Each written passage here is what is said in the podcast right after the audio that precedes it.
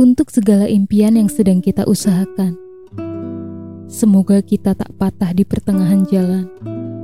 Semoga hati kita luas untuk menerima cacian dalam prosesnya. Dan semoga pundak kita kian kuat.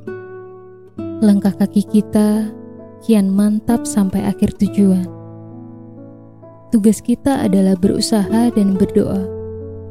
Perihal takdir pada akhirnya akan membawa kita ke mana, itu semua urusan Allah. Nilai suatu hal tak hanya dilihat dari hasil, namun juga dari perjuangannya, juga dari prosesnya. Mari kita meneruskan langkah dan meluruskan niat hanya karena Allah, agar tak sia-sia perjuangan kita.